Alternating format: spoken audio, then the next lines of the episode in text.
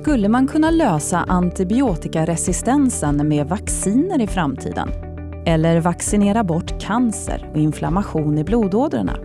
Och varför tar det så lång tid att få fram ett nytt vaccin? Jag heter Tove Smeds och med mig i studion har jag vaccinationsforskaren Christian Risbäck, överläkare i klinisk mikrobiologi vid Region Skåne och professor i klinisk bakteriologi vid Lunds universitet.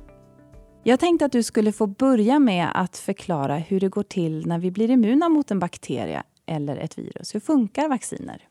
Man kan bli immun mot eh, smittämnen antingen genom att faktiskt ha varit infekterad med bakterien eller viruset självt, eller att vi då vaccinerar och aktivt tillför själva eh, smittämnet. Det är det vi kallar för immunisering eller vaccination. Motsatsen till den aktiva immuniseringen, det är passiv immunisering. Och ett bra exempel på detta är ju det nyfödda barnet som får från sin mor via moderkakan antikroppar. Dessa antikropparna räcker uppemot 10 månader. Och det skyddar då under första levnadsåret. Om en mor kan amma sin eh, lilla barn så naturligtvis får barnet antikroppar via modersmjölken. Och detta är faktiskt intressant med tanke på att om vi har sett små barn precis efter en amning så brukar de ju kräkas lite grann och då kommer bröstmjölken upp i eh, munhålan och denna kommer sedan vidare upp till mellanörat. Med dessa antikroppar som finns i bröstmjölken får man ett skydd också mot öroninflammation. Men naturligtvis så är ju nyfödda barn extremt känsliga mot infektioner.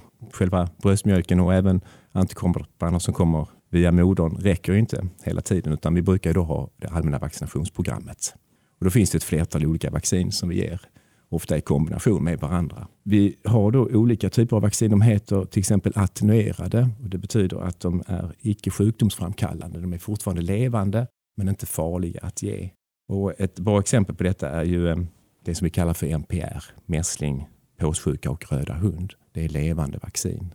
Levande vaccin från själva bakteriesidan är tuberkelbakterierna eller BCG-vaccinet som vi dock inte har i allmänna vaccinationsprogrammet nu för närvarande.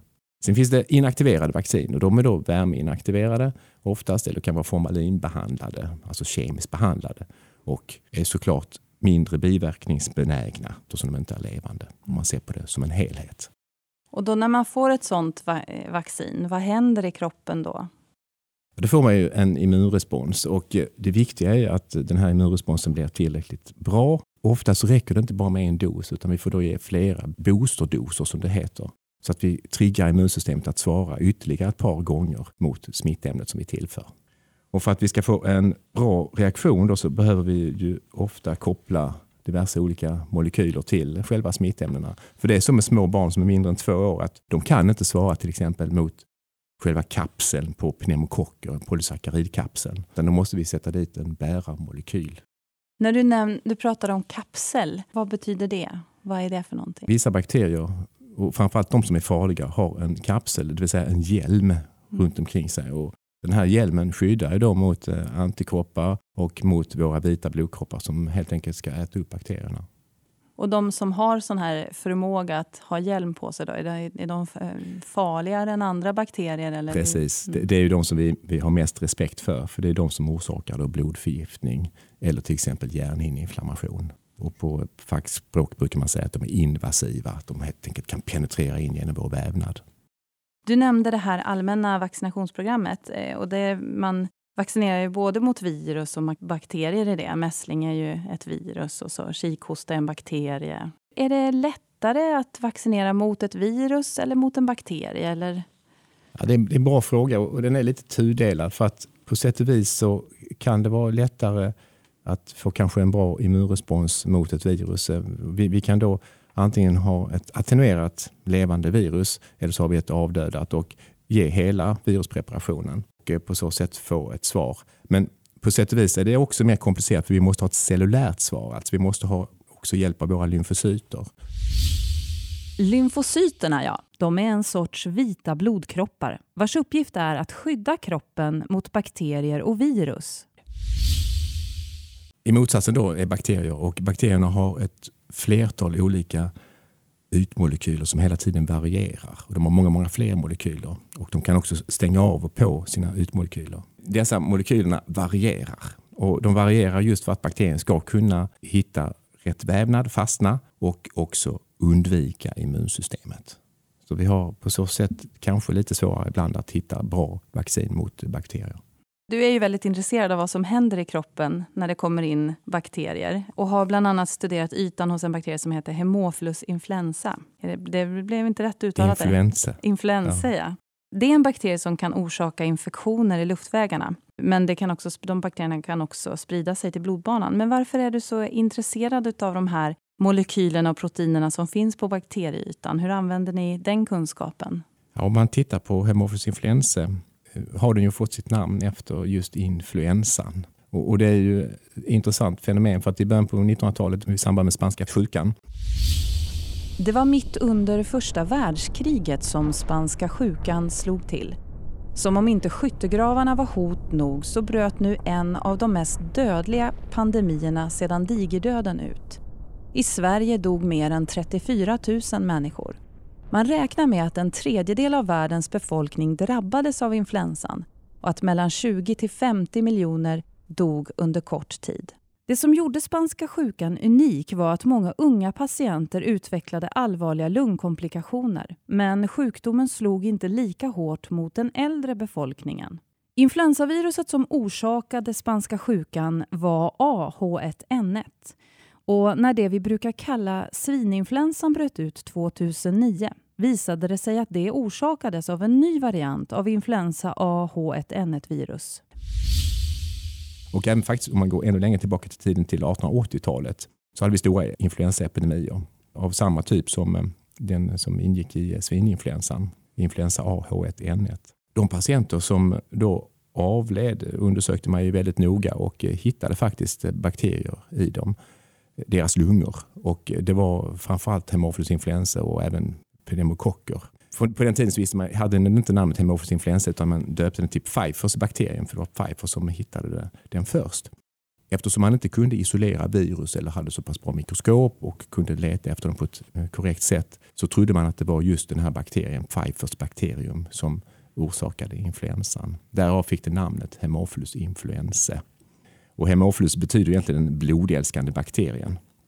Så bakterien eh, hittade man då i lungorna och eh, så småningom så lyckades man faktiskt göra ett vaccin mot den farligaste typen av just den här bakterien. Och det är den typen som kallas typ B.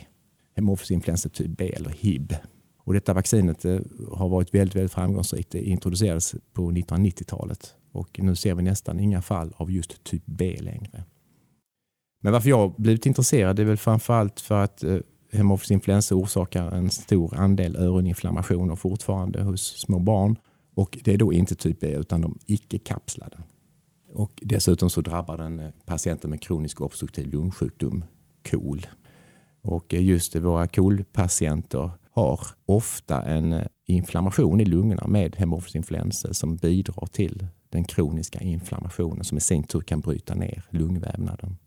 Så därför har jag fått ett intresse för att det är stora patientgrupper och också att, för att det är en, såklart en utmaning att hitta bra vaccinkandidater mot just denna bakterie.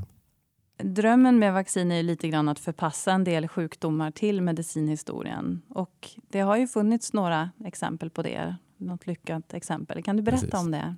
Det finns ju relativt många bra exempel och eh, om vi går tillbaka till 1790-talet eh, i samband med smittkoppsepidemierna, framförallt i England, så fanns det en forskare som hette Jenner. Och eh, Jenner observerade då mycket eh, ordentligt att mjölkerskorna fick inte smittkoppor. De klarade sig. Och vad, som in, vad detta innebar var att de faktiskt exponerades för kokoppor i samband med mjölkningen.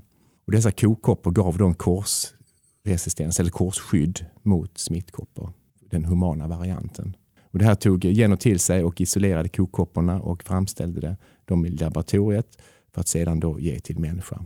Så han satte igång och vaccinerade framförallt den högre ståndsadeln och det gick mycket bra till en början. Men sen var det faktiskt några barn som också tyvärr dog av smittkopporna som kom från korna, vilket gjorde att man la ner den kampanjen ett tag och sedan kom man igång igen mitten av 1800-talet. Namnet vaccin kommer just från vacka, det vill säga kor. Det är just med tanke på genusförsök.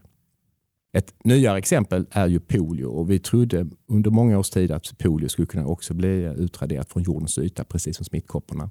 Och man kan säga att polio är ju faktiskt utraderat från Afrikas yta och även i Europa naturligtvis. Men nu tyvärr på grund av krigen i eh, Asien och även i Afghanistan så, så har vi fått polioepidemier igen.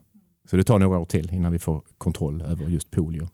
Hur tror du, det här är ju framtidsfrågor så det är alltid svårt att säga kring, men hur tror du att vi kommer att ha hjälp av vacciner i framtiden? Den ökande resistensutvecklingen hos bakterier är ytterst oroväckande för närvarande. Vi hör mycket om det i press och media. Eh, man har till exempel beräknat att omkring 390 000 personer kommer att dö av infektioner i Europa år 2050 på grund av verkningslösa antibiotika. Och det här tycker jag är väldigt skrämmande.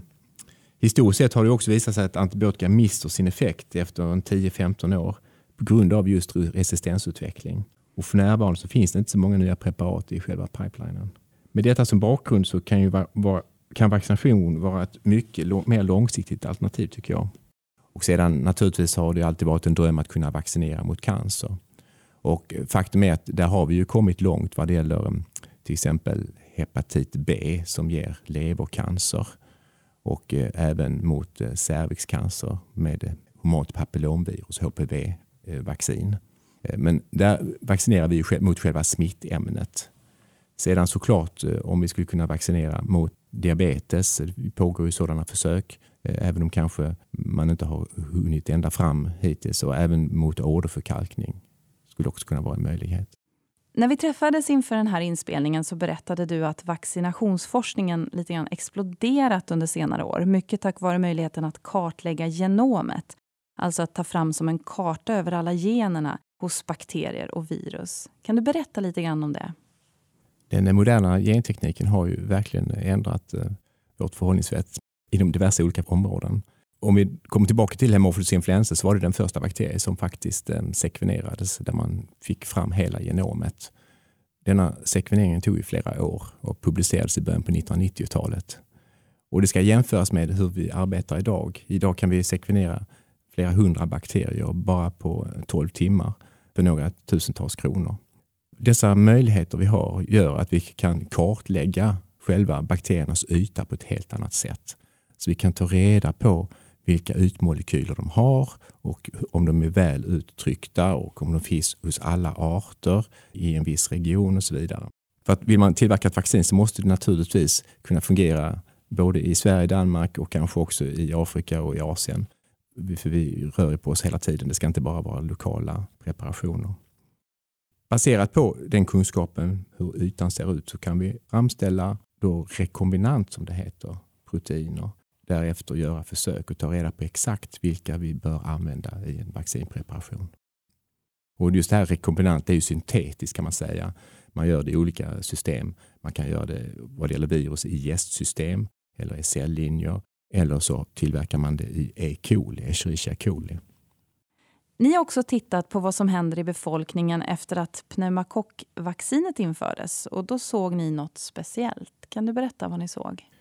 Pneumokockvaccinet som ges till alla barn i Sverige under första levnadsåret gör att man vaccinerar bort en, en del av pneumokockerna, de allra farligaste. Och för närvarande är det uppemot en 13 olika kapseltyper som det heter. Det är alltså polysackaridkapseltyperna. Om man vaccinerar bort dessa så försvinner de såklart från eh, själva befolkningen och även från våra slemhinnor. Men vad vi har sett då är att vissa andra pneumokocktyper faktiskt tar över. Och detta är väldigt intressant just med tanke på att om vi tittar på slemhinnorna och de bakterier som finns där så är slemhinnorna täckta med vår normalflora, det vill säga mikrobiomet. Och pneumokockerna finns inte där hela tiden, de kommer och går. Så när en del av de här försvinner, då kommer det nya. Är de farligare då, de bakterierna, eller hur, hur fungerar det? Ja, vad vi har sett hittills så är det inga farliga typer som kommer, men det kan vara så att vissa farligare faktiskt eh, pneumokocktyper ta över på sikt. Och det har man sett i andra länder att det är vissa som utnyttjar det här tillfället, eller om man ska säga utrymmet hos våra slemhinnor, faktiskt eh, ger också blodförgiftning. Jag funderar på det här med att man varje år behöver ta om vaccinationen för säsongsinfluensan. En anledning är ju såklart att det är olika influenser som kommer från år till år. Men samtidigt så, så verkar det som att, vi glöm, att kroppen glömmer bort lite grann också när den har blivit vaccinerad. Det, ja. hur, hur, är det där? Det vaccin som ges eh, mot just säsongsinfluensan är inte så långvarigt. Oftast brukar det räcka en, en tre, fyra månader. Så ett råd vi brukar ge från infektionssidan är att man ska ta det ganska sent på säsongen. Fast naturligtvis tre, fyra veckor innan influensaepidemin verkligen har satt igång. Men eh, det kan vara klokt att vänta lite med tanke på det. Vad beror det här på? Glömmer vi immuniteten vid just säsongsinfluenserna? Eller? Nej, vi får alltså inte tillräckligt starkt immunsvar bara för när vi får en spruta. Det är det som är mm, egentligen svaret på den frågan.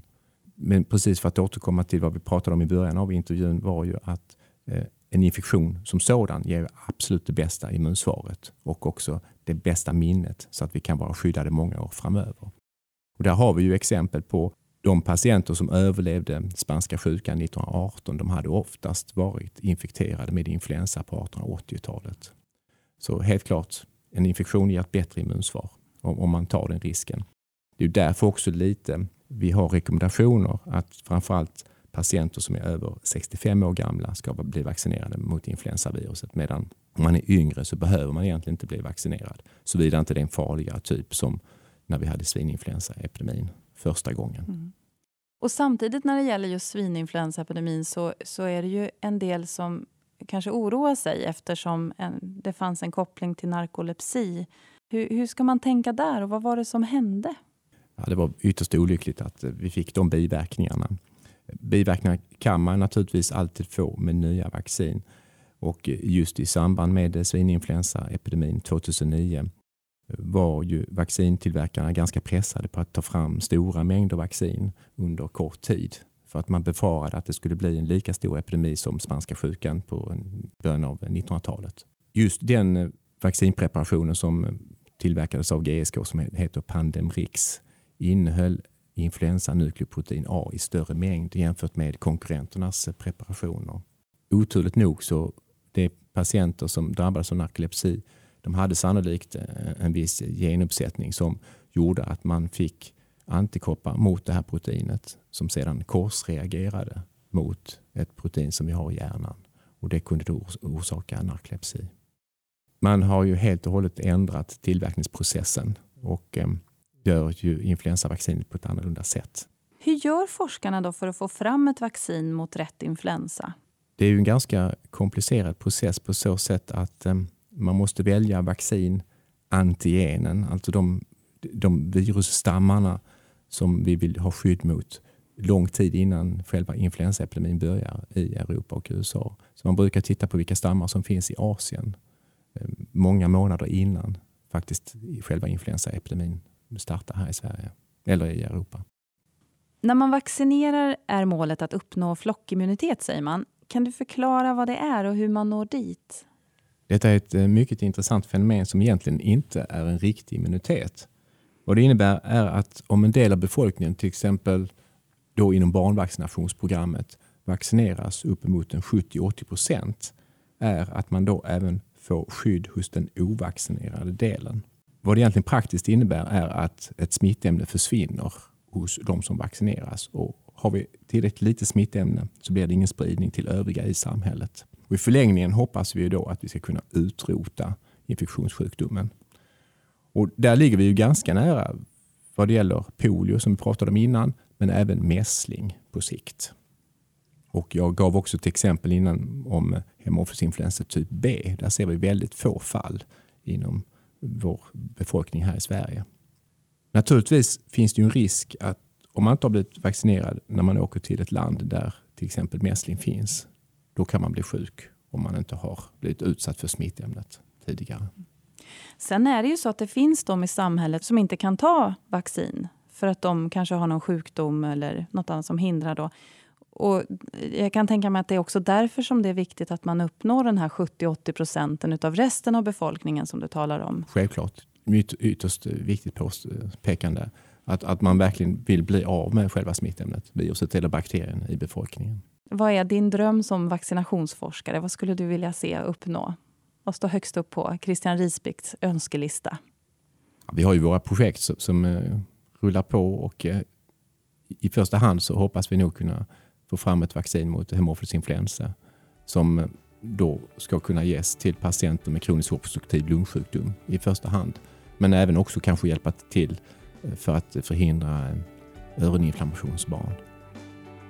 Tack så mycket för att du mm. kom hit. Tack så mycket själv. Mm. Du har lyssnat till en poddserie om forskning som produceras av redaktionen vid Aktuellt om vetenskap och hälsa. Inspelningsproducent George Godfrey, Skånes universitetssjukhus. Mer information finns på vetenskaphalsa.se. Du kan också följa oss på sociala medier.